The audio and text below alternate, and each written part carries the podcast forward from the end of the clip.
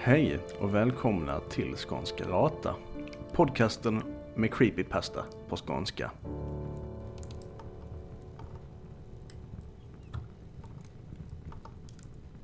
Det finns en hållplats i Arlöv där bussen alltid stannar fastän ingen ska av.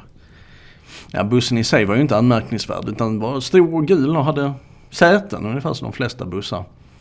Och man kunde sitta på den ganska lång tid utan att det blev alltför obekvämt. Somrarna så fanns det alltid en luftkonditionering som inte fungerade. Det var aldrig riktigt klart om det var på grund av att chauffören struntade att sätta igång den eller att den bara inte var på. Bussen eh, den gick ju i alla fall åt ett eller annat håll liksom. Men, men det var aldrig någon som skulle till Arlöv. Det var en och annan som gärna ville åka därifrån men, men aldrig någon som ville dit.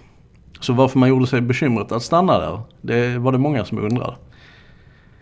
Jag minns att just den här sommarkvällen så var det extra många som ville någon annanstans. För det var Malmöfestival med mat och öl och allt vad det innebär. Jag var på väg in dit själv faktiskt.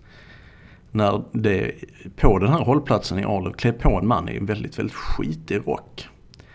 Och mannen han, eh, han luktade inte hallon om man säger så. Utan det var mer som en olycklig kombination av, av, av entusiasm för spritdrycker och, och vanvård.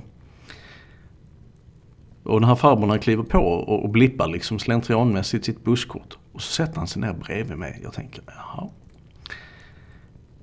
Och det tar ju inte lång tid innan han knackar mig på axeln. Så, vad ska man göra? Jag tar ut mina hörlurar. Och han, han, han lutar sig över till mig och han luktar ju som sagt inte gott.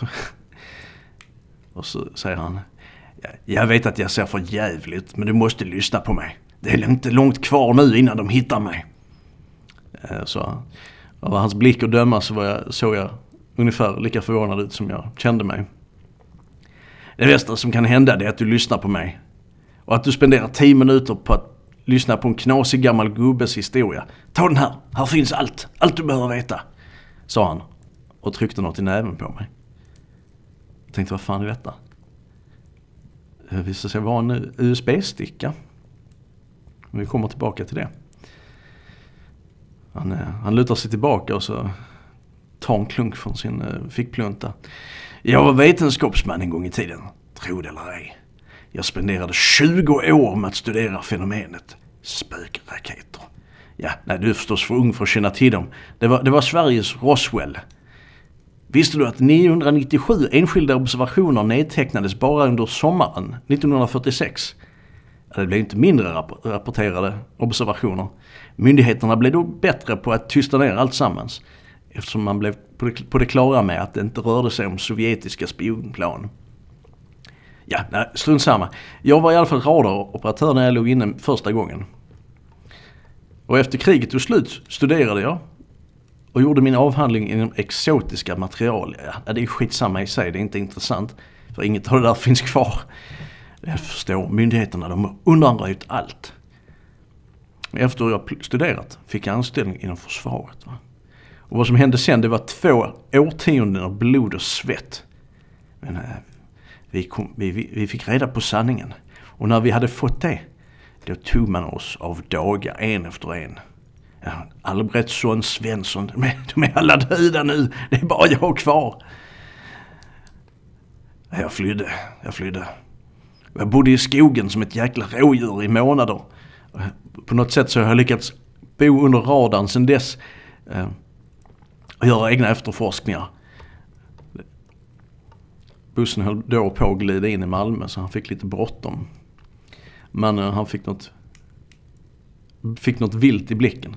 Shit, jag, jag, jag måste av nu, fort! Titta på stickan! Titta på stickan, där finns allt! Han hoppade av i höjd med Sydsvenskans gamla skyskrapa. USB-minnet låg mig tungt i handen där. Eh, jag hade väl antagligen inte tänkt mer på saken om... Eh, och antagligen kastat USB-stickan. Om det inte vore för det fallet att två eh, vita minibussar dånade in och lämpade in mannen i baksätet precis när bussen drog bort från hållplatsen. Och när bussarna körde förbi oss, eller körde om oss på väg in mot Malmö så märkte jag att den gamle mannen satt i passagerarsätet.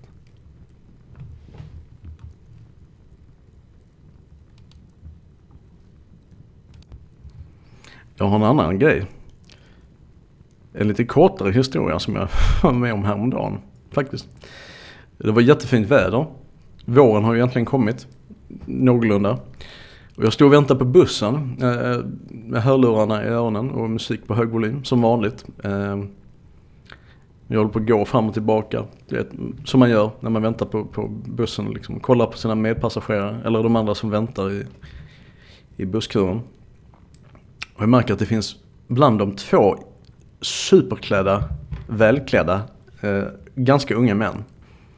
Och det är liksom, vi snackar skräddarsydda kostymer, polerade skor, näsduk i, i fickan, hela kittet. Och jag tänker, ja, det måste ju vara skitvarmt att gå runt sådär, tänker jag. Och så kommer bussen. Och jag kliver på. Och en av de andra, en av de här kostymklädda herrarna kliver på. Sen så händer det, det, det sjuka. Det här är inte så creepy som bara bisarrt. Den ena kostymkillen, han ställer sig vid den bakre dörren. Och så börjar han svära som en borstbindare åt den andra snubben. Och all formalitet liksom bara bortblåst på en sekund. När de stått där hade de varit jätte, jätterigida liksom och väldigt så här uppstyrda. Men de bara började svära, bara liksom så trasa sönder varandra. Och när bussen väl la iväg så började de göra fula gester åt varandra istället. Jag undrar verkligen vad det handlade om. Det var, eh, det var märkligt. Och slutligen så tar vi en, en, en verklig kortis. Det här är också en grej som jag har funderat länge på. Eh, som eh, är besynnerlig. Så det finns en viss affär som jag går och handlar vid ganska ofta. Och där finns en man som alltid står och hänger utanför den affären. Och vid flera tillfällen så har jag sett honom stå där i, i, i ur och skur. Tålmodigt väntandes. Och ibland så tittar han på sin klocka. Och skakar väldigt demonstrativt på huvudet. Jag sa, ah, någon, någon är sen. Han verkar vänta ganska länge ibland va. Men, eh, någon, men det kommer alltid ofelbart en svart limousin körande. Som plockar upp honom. Limousinen den åker ett kvarter bort exakt och släpper sedan av honom. Alltså det är inte långt. Sen spatserar han tillbaka till affären. Och sen gör de om det här. Den här ritualen upprepas gång på gång på gång på gång. Och så här har det varit i ja, flera, flera år. Jag har alltid funderat på om jag ska gå fram och fråga vad det, vad det handlar om. Liksom. Samtidigt så är det ett mysterium. Vilket gör det, det är nästan mer intressant. Att inte veta. Det kan finnas något väldigt mundant. Eh, där, men det vet jag inte. Vi får väl se kanske. Någon dag kanske jag frågar. Hur som helst så vill jag tacka er för att ni har lyssnat på Skånsk Errata.